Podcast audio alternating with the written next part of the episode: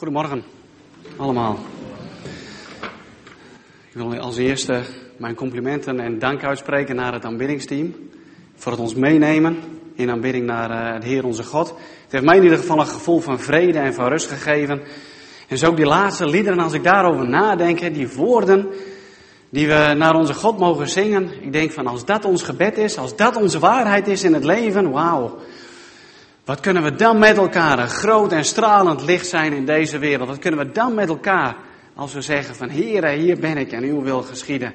Wat kunnen we dan de wereld veranderen? Wat kunnen we dan, ja, door middel van uh, de liefde die wij krijgen van God, om dat door te mogen geven aan de mensen om ons heen, echt wat teweeg brengen. En ja, helaas moeten we om ons heen kijken en, en, en zien we hoe de kerken uh, het doen in Nederland. Laten we maar gewoon bij Nederland houden. Misschien heeft u het meegekregen in een van de laatste peilingen die gedaan zijn over het vertrouwen van de Nederlander in de kerk. Lieve mensen, het is nog nooit op zo'n dieptepunt geweest.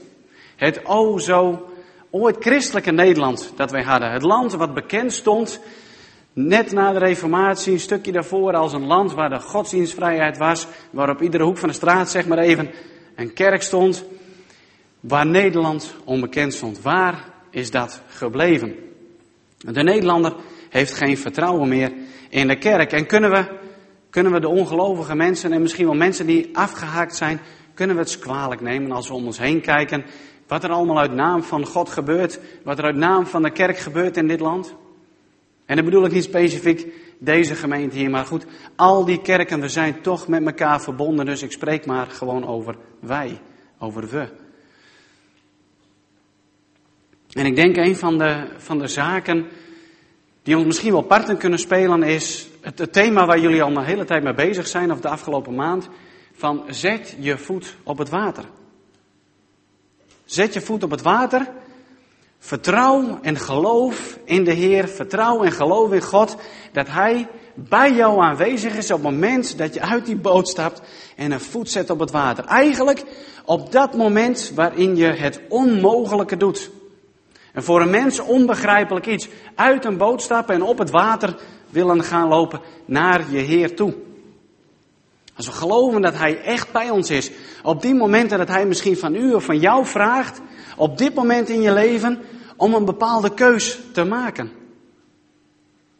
Die broeder die net achter, uh, hoe heet zo'n apparaat eigenlijk, een klinklong?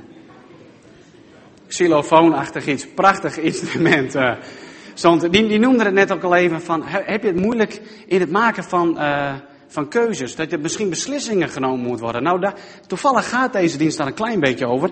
Ik, ik heb het maar genoemd, een van mijn minst sterkste ontwikkelde gave is het bedenken van een themanaam. Dus ik heb het maar genoemd Just Do It. En dan ook nog in het Engels. in Drachten. Maar goed, ik hoop niet dat u dat vervelend vindt. Just do it. Gewoon doen. Soms worden mijn vrouw en kinderen wel eens een klein beetje gek van mij als ik tegen ze zeg, doe nou maar gewoon. Soms moet je dingen gewoon doen zonder daar zo lang bij stil te staan en jezelf af te vragen van, is dit nou wel de juiste keuze? Soms moet je dingen gewoon doen. Want als je de Heilige Geest in je hebt, dan heb je, maar dan kun je toch eigenlijk geen misstap maken? Nou, laten we daar maar niet op ingaan wat daar gebeurt. Alles valt naar beneden. Als je de Heilige Geest in je hebt, Um, en dan zeg ik het heel voorzichtig. Dan kun je toch eigenlijk geen misstap maken. Of dan hoef je toch eigenlijk niet zo bang te zijn om een stap te maken voorwaarts. En dan met je af te vragen, oh, als dit maar goed gaat en is dit wel de juiste keuze en hoe zal God er tegenaan kijken? We zijn in Christus, zijn we zo ongelooflijk vrij als mensen door het offer van Jezus Christus, dat we de vrijheid hebben gekregen om uit onze boot te stappen, om stappen voorwaarts te maken naar het doel die God misschien voor jou voor ogen heeft. En als we zo kijken naar het evangelie, als we kijken naar de boodschap van Gods woord, wat wij mogen beleiden in ons dagelijks leven, zouden we dan niet kunnen zeggen met elkaar, als christenen zouden we toch de meest moedigste mensen zijn hier op aarde. Dan zouden we toch de meest besluitvaardigste mensen moeten zijn hier op aarde. Want wij hebben toch immers een God die achter ons staat. Wij hebben toch immers een God die zegt van, ik zal altijd bij jou zijn. En er is niets, maar dan ook niets, wat mij kan scheiden. Wat mijn liefde voor jou kan scheiden. Helemaal niets. Als we dat echt tot in onze harten laten doordringen, dan zouden we toch hele moedige mensen moeten zijn. Besluitvaardige mensen. Dan zouden we niet bang hoeven te zijn om keuzes te maken in het leven. Dan zouden we niet bang hoeven te zijn om bepaalde beslissingen te nemen. En als ik zo om me heen kijk en ik ben dan in een positie om ook gewoon elke dag met mensen te mogen praten. Wat houdt de mens bezig? Wat houdt een christen bezig? En dan verbaas ik me vaak over het feit van dat er iets in ons is als christen dat ons helemaal kan verlammen. Namelijk bang zijn om een verkeerde keuze te maken. Ergens wel een gevoel van binnen hebben dat God je een bepaalde richting opduwt. Dat de Heilige Geest van binnen tegen je zegt, ja maar die kant mag je je opbewegen, maar nou toch dat je dat niet durft. Want als die keuze nou eens fout zou zijn. En we zijn met z'n allen soms zo op zoek, ook ik in het dagelijks leven, op zoek naar bevestiging van God. Heere, bevestig mijn volgende stap. En natuurlijk, er is niets mis mee met bevestiging in je leven voor de keuzes die je maakt. Of voor de richting waar je naartoe gaat. Maar soms kan het op zoek zijn naar een bevestiging ons helemaal verlammen. Als we niet een een of andere bovennatuurlijk teken gaan meemaken, of neonletters aan de hemel met ga links of ga rechts of sla één stap over, dan blijven we staan. Ik ben verbaasd om te horen soms van jonge mensen om me heen die zeggen van ja, ik, ik, ik weet het even niet meer wat ik nu ga doen. Ik ga stoppen met mijn werk, ik ga stoppen met mijn opleiding en ik ga als het ware boven op de berg zitten en ik ga net zo lang wachten dat God tegen me zegt ga links of ga rechts. Nou, misschien werkt het wel eens, maar ik denk dat God niet zo werkt. Ik denk dat Hij al zoveel in ons heeft gelegd, wat je in staat zou moeten laten zijn om een keuze te maken zonder een of andere bovennatuurlijke openbaring. En natuurlijk gebruikt God die. De Bijbel staat er ook vol van. Natuurlijk gebruikt God die in ons levens, maar niet elke dag. Daarvoor hebben we juist zijn Heilige Geest gekregen.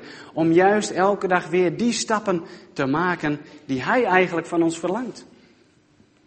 En als ik ergens aan moet denken, hierbij, dan is het Petrus wel. Hij stapt uit die boot. Misschien wel een klein beetje impulsief. En zoals jullie hebben gehoord van jullie voorganger de vorige week, hij had daar een kleine bemoediging bij nodig. Van Heer, bent u het werkelijk? Ja, Petrus, ik ben het. Kom maar. Kleine bemoediging, maar hij stapt uit de boot en de overige discipelen, die blijven mooi zitten. Die zullen wel gedacht hebben, ja maar mooi niet. Die zouden misschien wel, daar staat er natuurlijk niet, op zoek zijn gegaan naar nog meer bevestiging of wat dan ook maar. Of een een of ander bovennatuurlijk teken, terwijl dat voor hun ogen al geschiedde. Maar Petrus, in al zijn naïviteit, misschien wel impulsiviteit, stapt uit die boot en gaat zijn Heer tegemoet. En diezelfde Petrus, en dan wil ik met jullie lezen uit Matthäus 4. Matthäus 4, ik lees een eh, gedeelte voor uit de MBV-vertaling en ik lees even de versen 18 tot en met 22. Dat is eigenlijk de roeping van de discipelen. Toen hij, dat is Jezus, langs het meer liep, zag hij twee broers. Simon, die Petrus genoemd wordt, en zijn broer Andreas. Ze wierpen hun net uit in het meer, het waren vissers. Hij zei tegen hen, kom, volg mij. Ik zal van jullie vissers van mensen maken. En dan komt het. Ze lieten meteen hun netten achter en volgden hem. Even verderop zag hij twee andere broers, Jacobus, de zoon van Zebedeus, en zijn broer Johannes. Ze waren met hun vader in hun boot bezig met het herstellen van de netten. Hij riep hen. En meteen lieten ze de boot en hun vader Zebedeus achter en volgden hem. Tot zover. Waar was hun bevestiging? Waar was hun bovennatuurlijke teken aan de hemel dat zij volg die man maar? Ze hoorden de stem en ze wisten nog niet dat dat de zoon van God was. Maar ze lieten hun netten vallen, ze lieten hun werk liggen en gingen achter hun aan.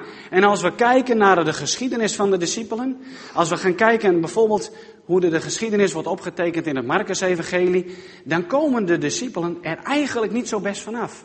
Het is best wel leuk om een keer het Marcus-evangelie gewoon in één keer door te lezen. Het is niet zo'n lang boek. Je kunt het rustig op een middagje doen of op een avond. En dan zul je verbaasd staan hoe de schrijver iedere keer de discipelen ja, beschildert, omschrijft. Eigenlijk komen ze best wel soms over als, geef me het woord, als sukkels, als je het zo leest. Zo worden de fouten van de discipelen omschreven en zelfs ook van Petrus, hoe die af en toe neergezet wordt in de evangelie van, oh, oh, oh, wat doe je nou en hoe kun je dat nou doen? Maar toch, kijk eens naar het grote werk wat God door hun heeft gedaan. Het evangelie bij hun begonnen, zeg maar, en uiteindelijk, uiteindelijk is het verspreid over de hele wereld. Als ik kijk naar het verhaal in Handelingen 9 van Ananias, misschien kent u dat verhaal. Saulus, die was een christenvervolger, hij vervolgde de gemeente. Hij was een schriftgeleerde. Hij ging naar Damascus om daar een aantal christenen te gaan opsporen, aan te houden en mee terug te nemen om in een gevangenis te gooien. Maar onderweg daar naartoe, misschien kent u het verhaal, wordt hij getroffen door het licht van Christus en openbaart Christus zich aan hem. En het duurt niet lang of Paulus of Saulus, zo heette hij toen nog, geeft zijn leven over aan Jezus Christus. Hij kan niet anders na zo'n openbaring van Jezus Christus, de Zoon van God, dan als het ware zijn knieën te buigen en te zeggen van hier ben ik. En er was daar ergens in Damascus, was er iemand die ook Jezus Christus als zijn Heer beleidt. Ananias. En deze man die krijgt een visioen. En die krijgt een visioen om te gaan naar de man Saulus en daar moet hij een aantal dingen gaan doen. En op het moment dat die man een visioen krijgt van God, denkt hij bij zichzelf, ja maar Saulus, wacht eens even, dat is een hele gevaarlijke man. Want hij vermoordt christenen, hij, hij spoort ze op en hij gooit ze in de gevangenis. Ja maar wacht eens even, misschien, dat wil ik eigenlijk helemaal niet. En ook hij, net zoals Petrus, heeft een kleine bemoediging nodig van God. Hij gaat als het ware in gesprek met God. Ja, maar dat is toch die man die en die. Ja? Maar ga nou maar, ik heb een plan met hem. Net zoals Petrus, Heer, bent u het? Ja, Petrus, ik ben het. Kom maar. En het mooie is van Ananias, hij gaat. Hij denkt niet na over de gevolgen voor zijn eigen leven. Hij denkt maar aan één ding: gehoorzaam zijn aan God. En gewoon te gaan. Nou, u kent misschien het verhaal hoe dat verder gaat. Hij mag uiteindelijk Saulus dopen, dat wordt uiteindelijk Paulus. En we kunnen wel zeggen dat Paulus de grootste zendeling ooit is geweest die we kennen in de geschiedenis. Zoveel heeft hij gebracht in de wereld. Zal deze Ananias bang geweest zijn op het moment dat hij deze visioen kreeg van God? Ik denk het wel. Ik denk dat hij misschien wel met knikkende knieën naar Saulus is gegaan. Maar het mooie is, dat geeft helemaal niks. Er kunnen momenten zijn in ons leven, er kunnen keuzes of beslissingen op ons pad komen, dat ons knikkende knieën bezorgt. Dat je denkt van, oh, dit trek ik even niet. Maar op zich is dat helemaal niet erg. Als we met dat gevoel maar gaan naar onze God. En het bij Hem neerleggen. En Hij zal je de kracht geven. Misschien niet in één keer gelijk die knikkende knieën wegnemen. Maar je mag weten op de belofte van Zijn woord. Dat Hij bij je is en dat Hij je niet los zal laten. En desnoods met knikkende knieën, dan vervolg je je pad. Of met knikkende knieën maak je die eerste stap uit de boot. En naarmate de tijd vordert, de stappen volgen, zul je misschien wel denken van, hé, hey, ze zijn opeens weg. Alleen een visioen van God en het zetten Ananias in beweging. Geen gereden twist, niet even iemand opbellen, kon helemaal niet in die tijd, of iemand opzoeken, of wat dan ook maar. Nee, hij ging in gehoorzaamheid aan God. En als we kijken naar ons dagelijks leven, nou, als we kijken, ik kan niet in uw leven zien, ik kan niet in uw hart kijken, maar misschien staat u op dit moment wel op zo'n geestelijk kruispunt in uw leven. En mag u een keuze gaan maken. Mag u een keuze gaan maken. Vanuit de vrijheid die Christus ons heeft gegeven. Moet ik wel naar links en die ene baan accepteren? Moet ik gehoor geven aan het gevoel wat God op mijn hart heeft gelegd om met kinderen te gaan werken of misschien wel mijn spullen te verkopen en de zending in te gaan? Welke kant mag ik nou eigenlijk op? En hoe kunnen we daar nou in het dagelijkse leven mee om te gaan zonder al te moeilijk doen?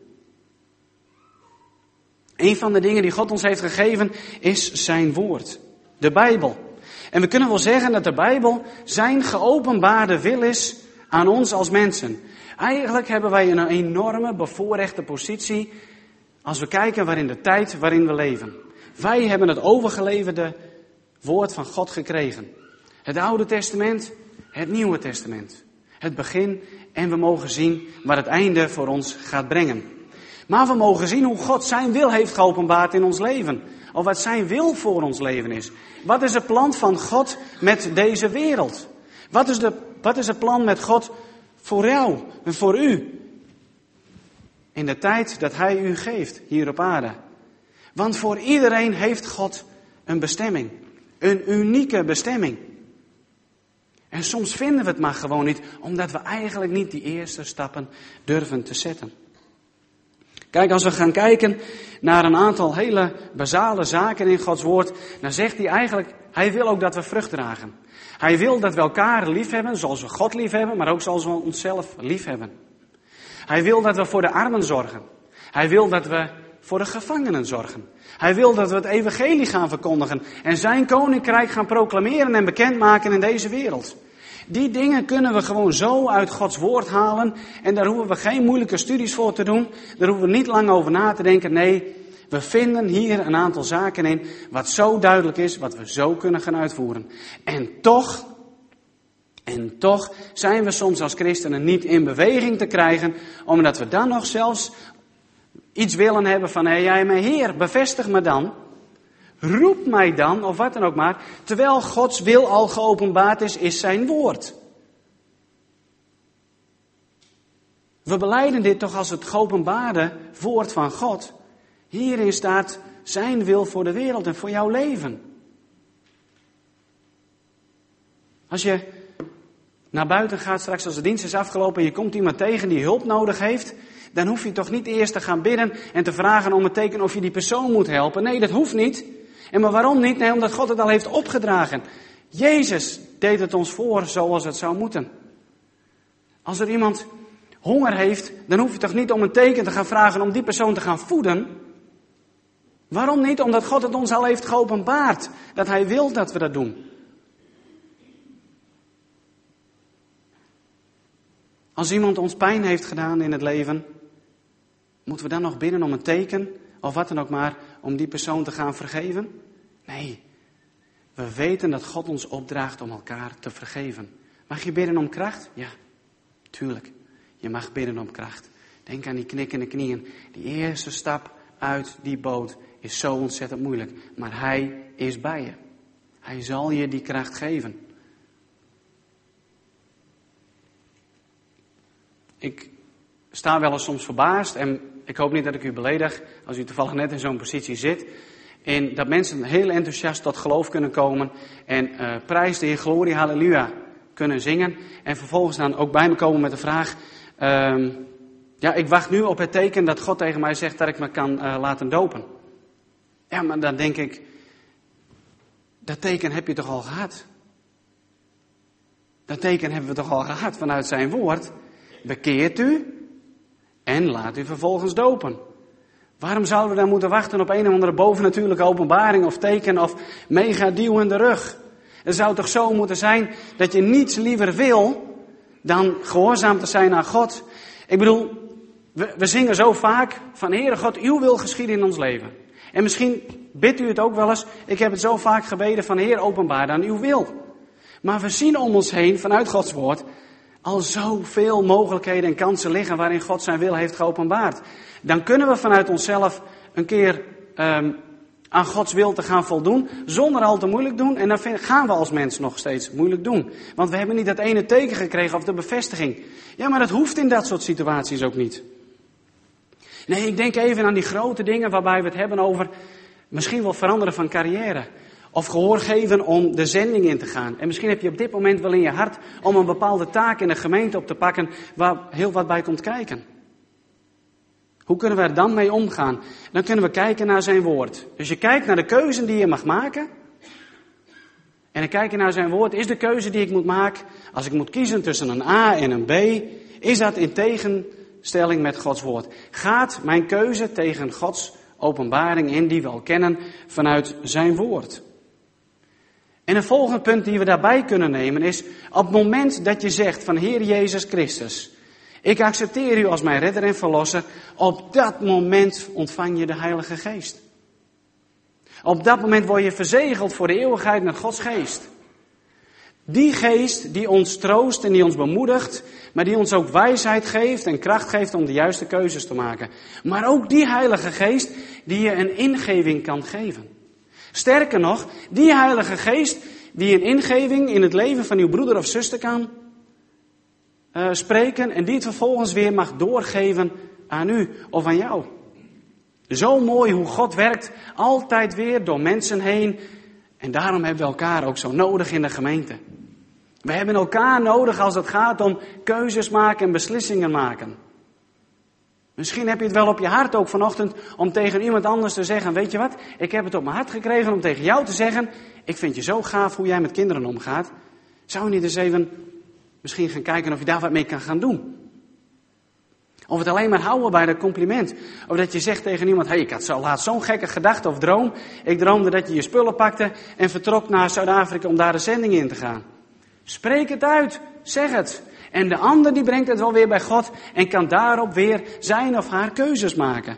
Maar zo mogen we elkaar helpen, bemoedigen en ondersteunen in het leven wat niet altijd even gemakkelijk is. In de keuzes die we mogen maken. Soms kan het zijn dat je een bepaalde last op je hart krijgt door Gods geest. En dat je op een gegeven moment een bepaalde gevoel krijgt voor een land, of voor een activiteit, of voor een bepaalde baan, of wat dan ook maar. Dan kun je daar al mee aan de slag. Je hebt Gods woord, je hebt zijn Heilige Geest in je gekregen, die soms dingen in je oor fluistert. Die je hart een bepaalde richting geeft. Daarvoor wil hij ook heel graag broeders en zusters gebruiken. Misschien heb je wel een hele mooie ervaring dat we kunnen omschrijven als een roepingservaring om een bepaalde kant op te gaan. Deel het met anderen. Praat erover, bid erover. Dan hebben we natuurlijk nog Naast Gods woord, naast zijn Heilige Geest, hebben we nog de omstandigheden waarin we gewoon staan in het dagelijks leven. Gaat er een bepaalde deur open of sluit er een bepaalde deur? En nu heel vaak zijn we als christenen zo enorm ge, uh, gericht op die open deur. Maar weet u, een gesloten deur is vaak nog een veel sterkere uh, teken van God dan een open deur. Soms kunnen deuren opengaan en ik geloof ook dat de Satan deuren kan openen en daar kunnen we dan soms te snel ingaan. Maar een deur die dicht gaat is toch echt de duidelijke leiding van God. En maar dat is het niet. Denk aan het verhaal van Paulus en ik geloof dat het Silas was, dat ze een bepaalde richting op wilden naar een land om daar het evangelie te verkondigen. En de Heilige Geest die hield hen als het ware tegen. Een gesloten deur, duidelijk. Op het moment dat ik mijn roeping kreeg en me dat zo ja, overviel, ben ik op onderzoek uitgegaan en heb ik ook een aantal raadgevers gezocht. En ik heb gesproken met een bekende evangelist in het land en die zei ook van William, dank God voor gesloten deuren. Dank God voor gesloten deuren. Ervaar en zie dat ook als een stukje leiding. Zo kun je kijken naar, ja maar in wat voor familieomstandigheden zit ik eigenlijk? Als ik het gevoel heb van nou, ik moet de zending in, ik moet op lange reis, Kijk naar de omstandigheden. Heb je kinderen? Heb je geen kinderen? Hoe gaat het op school? Hoe steekt je familie in elkaar? Noem het maar op. Zijn er nog bepaalde verplichtingen die je echt moet afmaken? Kijk naar de omstandigheden. Ga ook weer niet te impulsief op bepaalde dingen in. Dus je krijgt bijvoorbeeld een droom en, het, en de volgende dag ga je er gelijk mee aan de slag. Als ik kijk naar mezelf, een periode van, um, nou, Wanneer was het nou? Laten we zeggen vier jaar geleden. Ik werkte toen bij regiopolitie Groningen en ik kreeg heel sterk op mijn hart om het werk binnen de politie los te laten. Omdat ik het gevoel kreeg dat God tegen me zei dat het werk en het genieten van al die actie, noem het maar op, tussen hem en mij in zou staan. Nu kan ik als ik zo'n gevoel krijg gelijk de volgende dag ontslag nemen. Of ik kan een proces ingaan om dat te gaan onderzoeken. Dus je zou Gods woord kunnen gaan pakken in zo'n situatie. Nou, Um, hoe, wat zegt Gods woord erover? Nou, Gods woord zegt dat we onze mensen moeten liefhebben. En uh, ik kan bij mezelf op een gegeven moment ook wel de conclusie trekken dat als ik geniet van geweld en actie, dat ik ergens als christen achter mijn oren moet krabben. Dan denk ik van, hé, hey, hoe kan dat nou?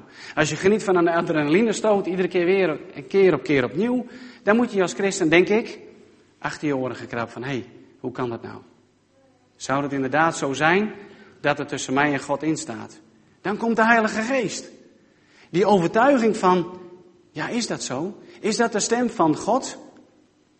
Bij mij kwam heel sterk na verloop van tijd zo'n sterke overtuiging opzetten in mijn hart. Die ik in het begin eigenlijk een beetje wegdrukte, want het was een boodschap die ik niet wilde horen. Maar het werd maar sterker en het werd maar sterker en maar sterker. En op een gegeven moment dacht ik van nou, nu kan ik er niet meer onderuit. Dit is leiding van God. Dit is zijn heilige geest. Dan ga je kijken naar de omstandigheden. En je gaat het delen met mensen. En het verbaasde me in die periode dat juist de christenen om me heen zeiden van ah, dat moet je nooit doen. Want dan geef je je zekerheid op. En dan dacht ik, hè? Mijn ongelovige collega's daarentegen die zeiden dan, oh William, wat gaaf dat je je geloof zo serieus neemt en dat je ervoor gaat en dat je die stap uit het boot, dat zeiden ze niet letterlijk, want dat verhaal kenden ze niet, maar dat je die stap uit het boot, dat je dat gewoon doet. Dat jouw geloof dus echt is. Dat, watgene wat jij beleidt, dat je dat ook in de praktijk mag brengen. En ik keek naar de omstandigheden en wonderen boven wonderen kon ik in een andere regeling treffen waarbij ik nog zoveel maanden mijn salaris doorbetaald zou krijgen en er gewoon zo kon uitstappen.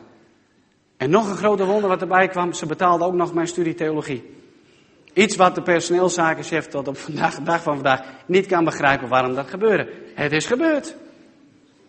Maar zie, zo probeer ik mezelf nu even als voorbeeld te gebruiken van er kan je iets op je hart komen, daar kun je heel impulsief op gaan reageren, uit die stappen oh, en vervolgens gaan zinken. Nou is dat op zich ook geen ramp als dat gebeurt. We kijken allemaal naar Petrus wat er gebeurde. Jezus redt me en daar was de Heer om hem er weer uit te halen. Maar soms is het ook goed om even de tijd te nemen. Niet om dan jezelf helemaal vast te laten zetten van ik moet een een of andere bovennatuurlijk teken hebben. Denk gewoon na, wees nuchter, kijk naar Gods woord, want daarin heeft Hij zijn wil geopenbaard. Maak contact met zijn Heilige Geest die in jou woont, die in je leeft. Door stil te zijn. En dan hebben we natuurlijk nog mensen om je heen. Raadgevers. Te veel raadgevers is ook niet goed. Maar dan weet je het op een gegeven moment ook niet meer. Maar een aantal mensen die je op je hart krijgt, ga er naartoe. Vertel ze van je plannen, wat je wil doen. En kijk wat voor advies je krijgt. En onthoud, het is advies. Het is raad. Het is niet een moeten van jij moet dit of dit doen. Nee, het is een advies. Een mooi voorbeeld daarin is, is op een gegeven moment dat Paulus op weg is naar Jeruzalem. Tenminste, hij wil op weg naar Jeruzalem. De profeet Agabus die komt naar Paulus toe. En um, uh, hij pakt als het ware uh, zijn koppel uh, om en hij bindt dat om Paulus heen en hij bindt hem vast. En hij zegt tegen Paulus, gewoon even in mijn eigen woorden zo, als jij naar Jeruzalem gaat, dan zul je de boeien omkrijgen. Dan zul je gevangen genomen worden. Van een profeet. En wat die profeet zei, dat klopte. Dat had hij heel goed gezien, gevoeld, of doorgekregen van God, of hoe dan ook maar. Maar goed, wat deed Paulus met dat? Hij hoorde om zich heen de mensen zeggen, dat kun je lezen in handelingen. Oh Paulus, dan moet je niet gaan, maar je zult gevangen genomen worden en, enzovoort, enzovoort, enzovoort. Maar Paulus, die kijkt naar zijn omstandigheden, kijkt naar zijn, um, hoe zeg je dat, relatie met de Heilige Geest. Wat zegt God tegen mij? En hij had heel sterk het gevoel dat hij naar Jeruzalem moest gaan, omdat er een bepaalde taak was. De profetie klopte als het ware van de profeet, maar de profeet zegt niet vervolgens wat hij ermee moet doen. Dat ligt vervolgens weer bij jou. Dat mag je weer brengen bij God. Daar zal de Heilige Geest die in jou woont, jou wel op wijzen en jou weer in gaan sturen. En vervolgens ging Paulus, en ja, hij werd uiteindelijk gevangen genomen. Maar daardoor is uiteindelijk wel het evangelie bekend geworden uh, aan het Romeinse Hof. En uiteindelijk werd hij helemaal naar Rome gebracht.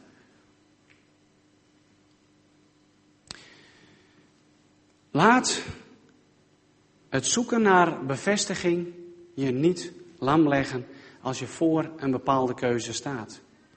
God heeft al zoveel geopenbaard. Durf ook fouten te maken. We zijn soms zo bang om fouten te maken. Ik heb zelf die angst gekend. Dat heeft ook te maken misschien wel met je opvoeding, hoe je ouders daarop gereageerd hebben. Maar fouten maken, dat was taboe. Onvoldoende zaal op school, dat was taboe. En daardoor word je op een bepaalde manier gevormd en dan durf je geen fouten te maken. Maar als wij fouten maken, dan zijn het wel de meest waardevolle leermomenten die we ons leven kunnen meemaken. Een prachtig mooi voorbeeld is weer Petrus met het uit zijn boot stappen.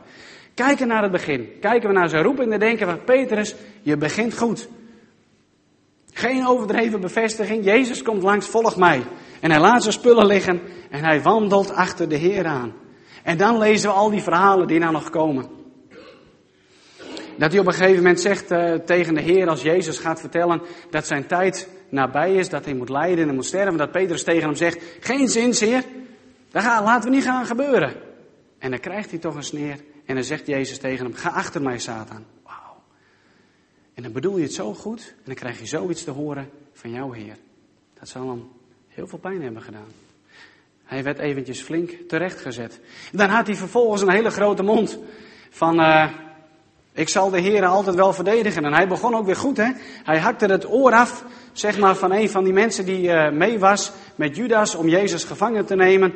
Maar als het puntje bij het paaltje kwam, verlogende hij zijn eigen Heer. Iets wat hij gezegd had, maar dat zal ik nooit doen. Jongen, jongen, weer een, uh, een lekker iets. Petrus, die uit zijn boot stapt. Lekker impulsief. Daar gaat hij. Ja, maar hij gaat wel. De rest blijft zitten. En in zijn impulsiviteit loopt hij naar zijn Heer. En toen ging hij kijken naar de omstandigheden. En zegt hij van, uh, jeetje, wat waait het hard, wat zijn de golven hoog. Dit gaat me niet worden. En hij begint uh, te zinken. Maar gelukkig is Jezus daar weer. Maar wat krijgt hij te horen? Petrus, jij met je klein geloof. Oei. Hey. Waar de andere discipelen bij zijn. Maar uiteindelijk, uiteindelijk zegt Jezus tegen hem, Petrus, jij bent de rots waarop ik mijn gemeente zal gaan bouwen. Ik krijg er gewoon kippenvel van als ik me voorstel hoe dat moment gegaan is. Iemand die er eigenlijk soms een soepzootje van maakt, lekker impulsief is. En tegen hem wordt gezegd, op jou zal ik mijn gemeente bouwen. Als je zwak bent, dan ben je sterk in de handen van de machtige God, onze schepper van hemel en aarde. Amen, inderdaad. Het was Petrus die weer een ere werd hersteld op het strand, zoals de apostel Johannes dat omschrijft. Petrus, hou je van mij? Tot drie keer toe, ja heer. En moet eens kijken wat de Heer allemaal tegen hem zegt daarna. En kijk gewoon naar zijn leven. Daarom is het ook zo fijn om de Bijbel te bestuderen, gewoon te lezen. Als God door de discipelen zulke grote dingen kon doen, zulke machtige grote dingen kon doen, terwijl zij verre van perfect waren, Net zoals mij, net zoals u. We zijn verre van perfect. Maar God heeft ervoor gekozen om door jou heen te werken. Laat je daarom niet lam leggen als je voor een mooie keuze staat om Gods wil te volgen door mega grote tekens te willen ontvangen en ga zo maar door. Ga er op een nuchtere manier mee om. Nu is het zondag en u begint morgen de week en nu zit je met bepaalde dingen. Nou, ik heb al heel wat genoemd van hoe je daar nou mee om zou kunnen gaan. Wees niet bang om fouten te maken. Als je op een gegeven moment denkt van het is voor mij duidelijk, vanuit Gods woord kan ik het rijmen. Vanuit de Heilige Geest voel ik van ja, die kant mag ik opgaan. Vanuit raadgevers die ik heb gevraagd, krijg ik eigenlijk wel een bevestiging. En als ik kijk naar mijn omstandigheden, daar staan alle lichten op groen. Maak dan gewoon die stap. Just do it, zeggen we in het Engels. Maak die stap en wees niet bang om een fout te maken. Want als je die fout maakt en je roept het uit naar jouw Heer Jezus, dan is Hij daar. En de Heer onze God, die zal alles gebruiken ten goede. Ook onze fouten. En zo stuurt hij en stuurt hij. Ik ben zo iemand die, net zoals Peter, soms wel eens heel impulsief uit zo'n boot kan stappen. Grote stappen voorwaarts kan doen en kadeng zo tegen een muur op kan lopen. En dan denk ik wel eens terug van ja, ik had eventjes iets meer de tijd moeten nemen. Niet gelijk moeten luisteren naar die eerste ingeving in mijn hart. Het laten bezinken. Want God heeft geen haast. Wij hebben vaak haast. Vaak ook wel goed bedoeld uit onze enthousiasme enzovoort. Maar op een gegeven moment ga je nadenken en denk je, ai, wat heb ik eigenlijk gedaan? Maar ik heb wel geleerd dat ik juist door die fouten steeds rijker ben geworden als persoon. En steeds ook beter hoe moet ik het zeggen, ook onderscheid kan maken van, is dit nou de weg van de Heer? Omdat je weet hoe het voelt om tegen die muur op te lopen, omdat je weet hoe het voelt als al die lichten op groen staan. Dus wees niet bang om fouten te maken. Heb je een droom, groot of klein? Neem die zaken dan door en ga ervoor. Is het klip en klaar? En betreft het zaken van, ik moet een ander vergeven of liefhebben? Of moeten we geven aan, een, aan de armen of al die zaken? Lieve mensen, just do it. Dan is het gewoon een kwestie van doen en gehoorzaam zijn aan onze Heer, onze God. Want dat, is al de, dat kunnen we lezen in zijn woord, geopenbaard aan ons. Hij is met u en hij is met jou. In zijn ogen kun je eigenlijk geen fouten maken als je in goede bedoelingen uit die boot en gewoon voorwaarts gaat. Je hebt zijn Heilige Geest ontvangen in je leven. Wees daarom niet bang. Maar ga er gewoon voor en neem die stap. En misschien sta je er nu voor en denk je van, vanaf nu is het een mooi moment om inderdaad te bewegen richting die stap. Te bewegen richting die droom die ik heb ontvangen van God. En we gaan het waarmaken. En Hij zal met je meegaan en Hij zal met je strijden. Hij zal je helpen om over die muur te klimmen. Laat ik het nog sterker zeggen, om over die muur te springen. Hij is onze leidsman. Amen. Mag ik jullie voorgaan in gebed? Vader in de hemel, almachtige God. Heer, u bent groot en u bent heilig. U bent de schepper van hemel en aarde. En wij mogen u onze Vader noemen. Abba, Vader. Heer, u heeft ons lief en wij danken u daarvoor. Wij mogen uw liefde beantwoorden, Vader God, door gehoorzaam te zijn, Heer, aan uw wil. Vader, maar soms vinden we het soms, we vinden het soms lastig als mensen, Heer, om een keuze te maken. Om een beslissing te nemen, omdat we misschien wel bang zijn, Heer, om een foute keuze te maken. Of dat we wachten op een bepaalde bevestiging die u misschien al gegeven hebt, Heer, in uw woord of in hele andere dingen. Heer, dan bidden wij u om kracht. Om kracht, Heere God, om gewoon een stap te maken. Om gewoon echt uit onze boot te stappen en u tegemoet te lopen, Heere. Om onszelf niet vast te pinnen op bepaalde zekerheden, Heere. Of in die zekerheid, of zekerheid te zoeken in aardse dingen, Heere God. Nee, maar de zekerheid te zoeken in u. Wat kan ons gebeuren, Vader God, als we zijn in uw hand? Niets kan ons scheiden van uw liefde, Heere. En dat die waarheid die we mogen lezen vanuit uw woord, heren, geprent mag worden in ons hart. In ons denken, heren, in onze hersenen. Vader, dat we dat mogen uitstralen naar buiten toe, heren. Wilt u ons helpen, heren, om als christenen, om als uw kinderen, heren, moedige mensen te zijn, heren. Die uw koninkrijk verkondigen, heren. Die uw woord brengen, heren. Die uw liefde brengen naar de mensen om ons heen. En geef ons wijsheid, rust en vrede, Vader God. Heer, ik wil u bidden in het heel bijzonder voor de mensen die slecht nieuws hebben gehoord, heren. Dat ze ziek zijn. Mensen die iets ergs te verwerken hebben. Misschien in onzekerheid zitten met hun werk of net ontslagen zijn of andere grote bergen op hun pad hebben. Heer, ja, u bent die God, Heer, die ons heeft gezegd dat we tegen een berg mogen zeggen om zichzelf in de zee te storten. Maar soms ontbreekt het ons aan moed en aan kracht, Heer. En ja, wilt u ons daarbij helpen? Ontfermt u zich over ons dat we onze ogen en hart, onze oren gericht mogen houden op uw leiding, op uw troost en uw bemoediging, Heer, in het leven. Heer, want er zijn genoeg momenten in het leven waarin het gewoon niet makkelijk is. Kom ons daarbij tegemoet, Heer. Draag ons, Heer, en help ons zien dat u er echt bent en ons echt draagt door moeilijke tijden heen. U bent onze Vader en u zult ons niet laten vallen. Kom tot uw doel, Heere God, met ons leven. En dat ons leven tot eer en glorie mag zijn, Heere.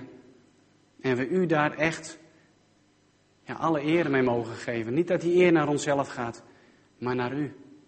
En dat de mensen om ons heen zullen zien, Heere, dat er wel een God werkzaam moet zijn in ons leven, als we zulke stappen durven te nemen in het leven. Als we zo mogen terugvallen op u, almachtige God. Machtige God en sterke rots bent u. O Heer, kom en raak ons aan ons met uw heilige geest, Heer. Leer ons zien, Heer, door uw ogen. Naar ons eigen leven, naar de wereld om ons heen, Heer. Naar de mensen om ons heen, Heer. Leer ons liefhebben. En leer ons moedig zijn, Heer. Moedig in uw koninkrijk. Vader, dank u wel dat we zo bij u mogen komen, Heer. Dank u wel voor uw liefde. In Jezus' naam bidden wij. Amen.